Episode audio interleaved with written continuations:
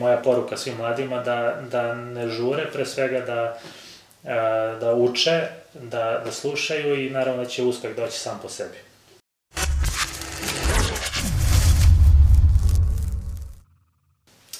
E pa zdravo ljudi, danas ćemo da pričamo na NLC Hubu sa Vladimirom koji je iz kompanije Lenovo. Vladimire, mnogo mi je drago što si došao danas sa nama. Takođe, drago što sam mogla da vas ugostim. Hvala. Ovaj, pre svega vola bih da nam se ti malo bolje predstaviš, predstaviš negde svoju kompaniju, šta je to zapravo Lenovo i šta si ti radio, odnosno neko svoje iskustvo. Pa ništa, pre svega, znači Lenovo je svetska kompanija, kompanija koja je prisutna u skoro svim zemljama sveta. Bavimo se pre svega proizvodnjom računara, desktop računara, laptop računara, tableta, monitora, naravno i sve prateće IT opreme takođe i serverima, odnosno storage-ima i od 2015. Im, uh, smo preuzeli uh, kompaniju Motorola, uh, tako da od 2015. je zvanično i Motorola brand mobilnih telefona koji spada u Lenovo grupaciju. Što se tiče moje, mog nekog istorijata Lenovo, ja sam tu skoro godinu i po dana, zaposlen na poziciji SMB Sales Representative, To konkretno znači da se bavim prodajom e, biznis modela malim i srednjim preduzećima, odnosno s firmama do 500 zaposlenih. Znači sve preko 500 zaposlenih pada u large enterprise, sve do 500 zaposlenih je, e, da kažem, pod mojim radarom. Tako da ovaj, pokrivam taj biznis deo. Mm -hmm. Sjajno. Pre toga sam radio u, u distribuciji, takođe se bavio i prodajom i nabavkom računara, laptopova, tenderima, tako da imam bogato iskustvo u, u IT svetu što se tiče prodaje? Pa s obzirom da je Lenovo tako i brzo rastuća kompanija i negde kompanija sa širokim opsegom, mene zanima mm, šta je nešto što brend vaše kompanije čini posebnim, odnosno što vas odvaja od drugih kompanija? Pa generalno pre svega mogu da kažem da je Lenovo jedna od e, najinovativnijih IT kompanija što se tiče proizvodnja laptopova. E, firma koja je, da kažem, postavila mnoge neke standarde u, u IT svetu i u samim računarima. Recimo, uh, verovatno ste svi čuli ili većina vas je čula za yoga koncept, odnosno koncept laptopa koji se savije za 360 stepeni, koji se preklapaju i pomogu se koriste u formi tableta. To je Lenovo koncept. E, to je znači nešto što je Lenovo osmislio prvi, pa su nakon toga počeli i drugi da, da kreiraju i sad je poprilično popularan taj segment laptopova. E, zatim, e, poklopci na, na web kamerama samih uređaja. Radnije se dešava, mislim i dan danas ljudi prelepljuju nekim stikerima ili, ili se selotipom prelepljuju kamere iz neke bojazne da će ih e, putem weba neko špionirati. Lenovo je pre nekoliko godina uh, lansirao, kažem, prvi laptop na svetu koji ima taj pomični neki uh, poklopac koji, koji vas štiti na, na samom webu i mnoge neke druge, druge inovacije koje su tu prisutne. Recimo prvi uh, laptop na svetu koji posjeduje 5G konekciju, Takođe, možda jedan, po mom mišljenju, najveća, najveća inovacija kod laptopova, to je laptop sa savitljivim ekranom. Znači, -hmm. laptop koji, koji je u svojoj osnovi 12,5 inča, ali može da se savije i totalno se preklopi. To zaista ovaj, niko do sad nije, nije imao. Sjajno. Um, a šta biste negde rekli koliko je bilo izazovno uh, poslovanje za Lenovo u periodu same pandemije? Pa generalno veoma izazovno i još uvek je i po nekim najavama biće, biće još teže. Naime, kada je krenula cijela ova priča oko pandemije i svega, kada ono otprilike u martu, kada je počelo vanredno stanje kako kod nas, tako i u drugim zemljama sveta, dosta ljudi je prešlo na, na taj hibridni, kažem, rad, odnosno rad, rad od kuće, pritom nije, ne postoje, nemaju sve industrije zaposlene ljudi na, na laptopovima, mahom su i dalje pretežno ljudi rade na desktop računarima. Iz tog razloga se e, odjednom javila potreba za, za prenosnim uređajima koje ljudi mogu lako da, da odnesu svojim kućama i da rade od kuće. Iz tog razloga je e, skočila veoma potražnja za samim laptopovima i generalno mi, naravno naši konkurenti, smo mogli da ispratimo do neke mere taj, taj veliki porast u, u laptop segmentu, ali u jednom trenutku jednostavno smo svi ostali bez, bez neophodnih uh, delova za, za laptope, odnosno najveći problem je nastao kod, uh, kod samih displeja, odnosno ekrana za laptopove. Znači, do, do neke mere smo mogli da isporučimo određeni broj laptopova, posle toga ni fabrike koje proizvode za, za nas ekrane nisu mogli da isporuče više te ekrane. To je, kažem, prva neka uh, otežavajuća okolnost, odnosno prepreka sa kojoj smo se susreli u nekoj masovnoj proizvodnji uh, laptopova. Um, pa u principu snalazimo se, nalazimo druge dobavljače, mada smo i tu poprilično ograničeni što se toga tiče. Nakon toga smo imali nestašicu samih procesora, malo kad se stabilizovala to e, situacija sa, desktop, sa ekranima, e, dobili smo nestašicu e, procesora određenih. Nakon procesora pojavila se još uvek trenutno aktualna nestašica integralnih kola, odnosno čipova. I to se nije odrazilo samo na, na IT svet, već na, na dosta, dosta drugih um, industrija koje koriste računare, recimo, to je veoma zanimljivo, IT, um, autoindustrija trenutno veoma osjeća posledice zbog nedostatka čipova, uh, neke kompanije su zatvorile svoje, svoje pogone, odnosno svoje fabrike, ne mogu da proizvedu automobile, zato što većina današnjih modernih automobila u sebi imaju neki uh, računar, neke čipove, senzore, e, pametne radare i tako neke stvari. Svi ti uređaji rade uz pomoć tih čipova, s obzirom da čipova nema, ni automobili ne mogu da se isporuče na vreme. Takođe su jedno vreme zavisili od displeja, zato što, e, opet kažem, većina naših automobila ima e, digitalnu tablu i onaj veliki digitalni ekran za, za infotainment, tako da i što se toga tiče i IT i auto industrija imala ovaj, problem u isporuci. I sada, poslednja neka e, otežavajuća okolnost sa kojom se susrećemo jeste da bila i nestašica uh, određenih Wi-Fi antena. Trenutno je problem sa određenim čipovima koji kontrolišu protok mreže u samom računaru, tako da to je, da kažem, najsvežije, s tim se susrećemo poslednjih nekih 7, 8 do 10 dana. Tako da trenutno tražimo način kako da, da prebrodimo i, i tu otežavajuću okolnost i da nastavimo da isporučujemo naše, naše uređaje kao i do sada. Mm -hmm. A, pomenuo sam nek na početku da je dosta kompanija prešla na taj hibridni način rada. Mm, kako ste vi poslovali za vreme korone? Da li ste prešli kao na full remote ili ste nastavili da dolazite negde u firmu i to? Pa, generalno, moja, moja kompanije um, nisu uh, striktni po pitanju toga odakle će čovjek da radi, sve dok čovjek radi svoj posao kako treba. Uh, tako da, E, ni ranije ljudi u Lenovu nisu imali neku obavezu da konstantno dolaze u kancelariju, ali kažem nekako kancelarija bila primarni, primarno mesto rada, svakako je lakše i ljudima i nekako je drugačije kada čovjek ima konkretno radno vreme i posle toga kad završi zna da je, da je slobodan. Nekako ovaj, za rad od kuće, uh, moje lično mišljenje je da se gubi taj neki osjećaj, s, kako da kažem, uh, da postoji radno vreme, znači u bilo kom trenutku čovjek može sedne da, za računar i da nastavi da radi, tako da E, nekako mislim da se tu i često izgubi fokus, da se čak i radi se duže, a ne produktivno. Ovaj, I generalno to je trajalo tih nekih par, par meseci dok svi nisu se, da kažem, manje više stabilizovali, dok nismo videli kako možemo da radimo. U poslednjih nekoliko meseci, pa čak i godinu dana, ovaj, podeljeni smo u smislu uh, imamo slobodu izbora, da li ćemo da radimo iz kancelarije ili od kuće ili kako nam odgovara, ali kažem, svakako ovaj, firmi je najbitnije da, da su ljudi produktivni i da rade kako treba, zaista nije, nije bitno mesto dakle će da rade. Mhm. Dobro, a kako mislite da je negde pandemija uticala na motivaciju zaposlenih? U tvom okruženju recimo ili... Pa verujem da, S jedne strane, e, mi imamo tu sreću da smo u, u ovoj industriji koja je e, doživjela ogromnu ekspanziju u, za vreme e, COVID-a, upravo zbog tih laptopa koje sam spomenuo i ogromne potražnje za, za laptopovima, ali s druge strane, zbog te velike potražnje imamo imamo nestašicu, tako da je danas jako teško nabaviti određene laptopove. Tako da mislim da ne samo trenutno, nego generalno ljudi verujem da su malo i uplašeni za, za svoju budućnost, jer ne znaju šta će biti. Svaki drugi dan se do, dovode, uvode nove mere, um, razmišlja se kako dalje da se radi, tako da verujem da su ljudi manje više možda čak i motivisaniji da se pokažu u boljem svetlu kako bi zadržali posao i samo iz razloga što nisu sigurni za svoju budućnost. Mm -hmm. mm, Negde mislim da je Lenovo kompanija koja zapravo daje šansu i mladima i svima, tako da mm, pitala bih te sa tvog nekog aspekta, a, koliko misliš da je izazovno i raditi sa mladima i kakve oni to šanse dobijaju?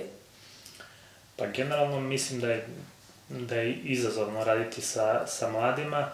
Nekako stičem utisak da a, mladi mnogo žure u smislu nestrpljivosti, da žele sve odmah, što pre, nekako ih povuče ta priča o visokim platama, o dobrim pozicijama, možda nekim službenim automobilima i da su jednostavno nestrpljivi i da u tom nekom smislu možda čak i izgube neki fokus pre svega i izgube motivaciju ako ne dobiju jako brzo to što su naumili.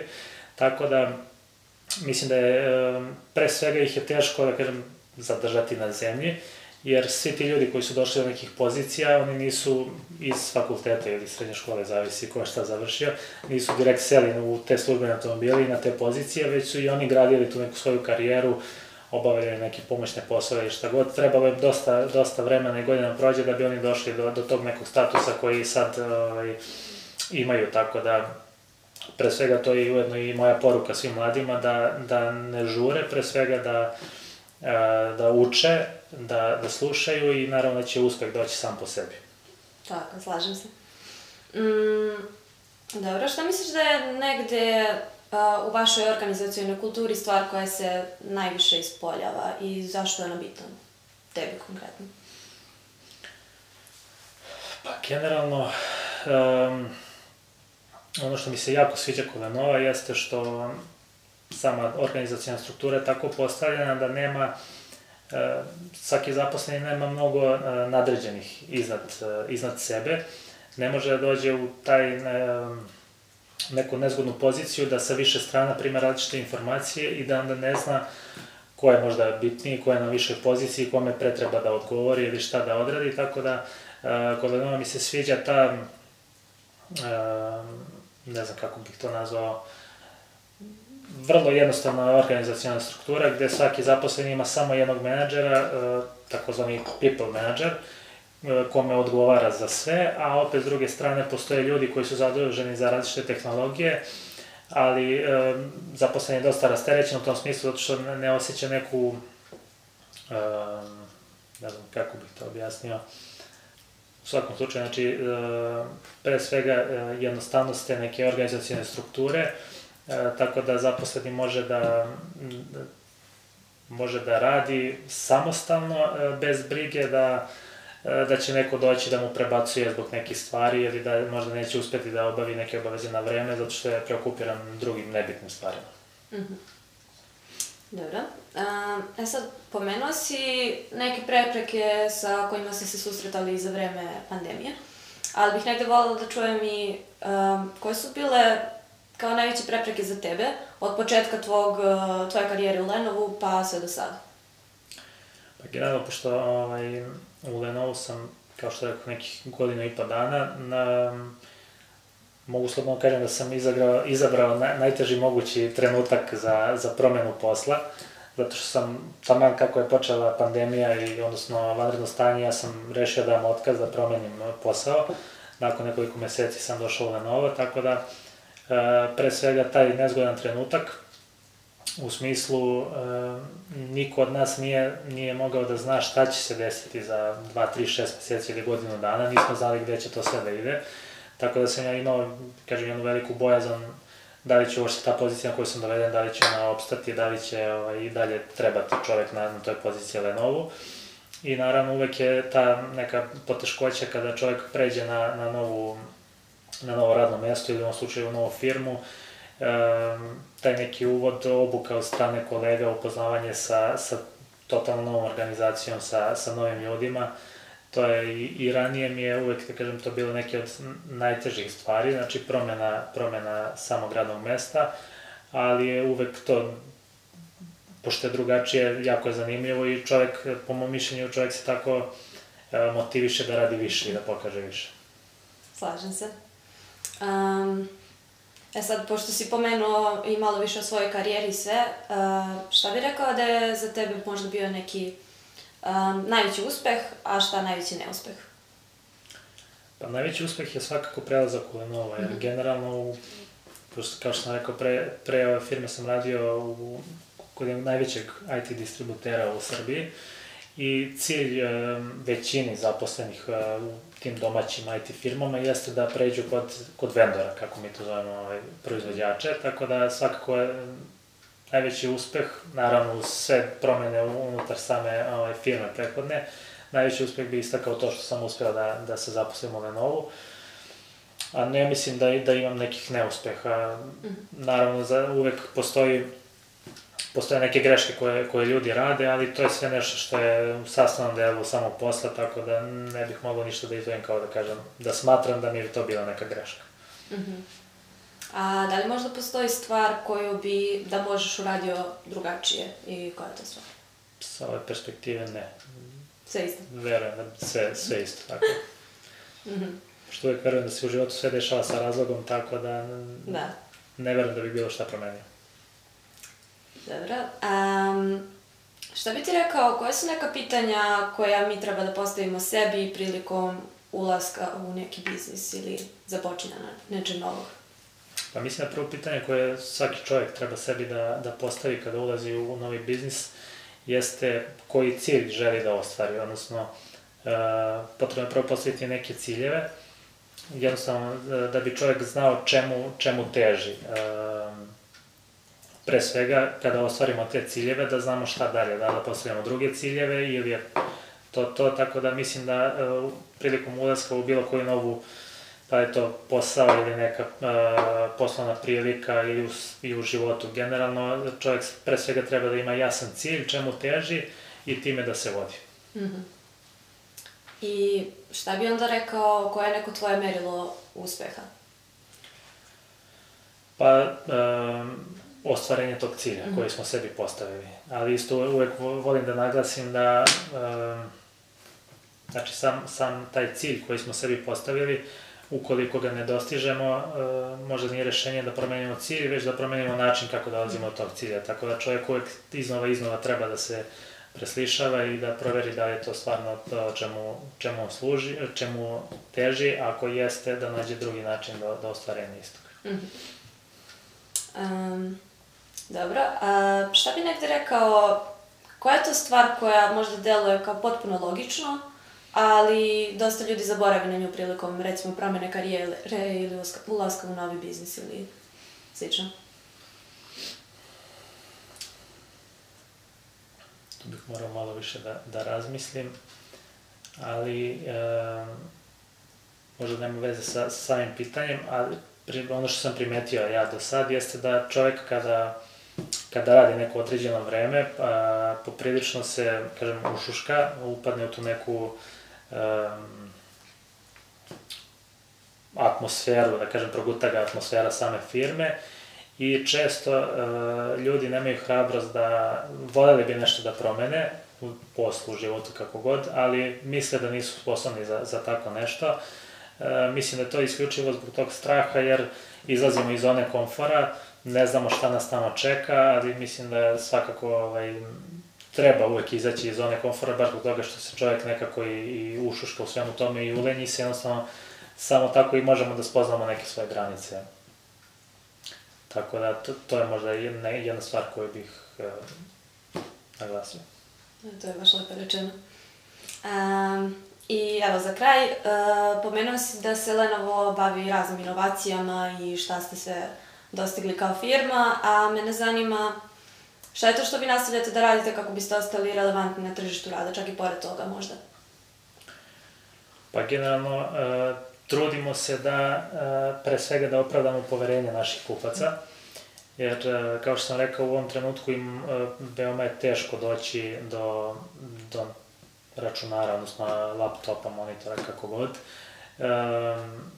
Rokovi isporuke su mnogo, mnogo duži nego što je ranije bilo i na što smo mi navikli, tako da e, mi se trudimo na, na raznorazne načine da zadržimo kupce kod nas, da ne pomisle da su iznevereni, e, da ne pomisle da smo mi jednostavno digli ruke ili od naše robe ili od njih, jednostavno e, to je naravno i, i moj pristup, želimo da da ih uverimo u to da, znači, da su nam, naravno, kupci na, na prvom mestu i da dajemo sve što je u našoj moći da, da ispunimo njihove želje. I naravno nastavljamo sa razno raznim inovacijama um, kako se razvijaju nove generacije samih uređaja.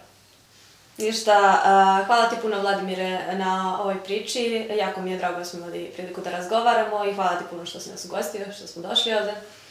Hvala i vama na pozivu, drago mi što smo se upoznali, što smo prošli neke od ovih tema i nadam se da, da ću ovim zainteresovati i mlade ljude da, da se bave nekim sličnim poslom. Ja, sigurna sam u to. A, ništa, hvala puno i vama što ste gledali i vidimo se na sledećem postu na NLC Hubu.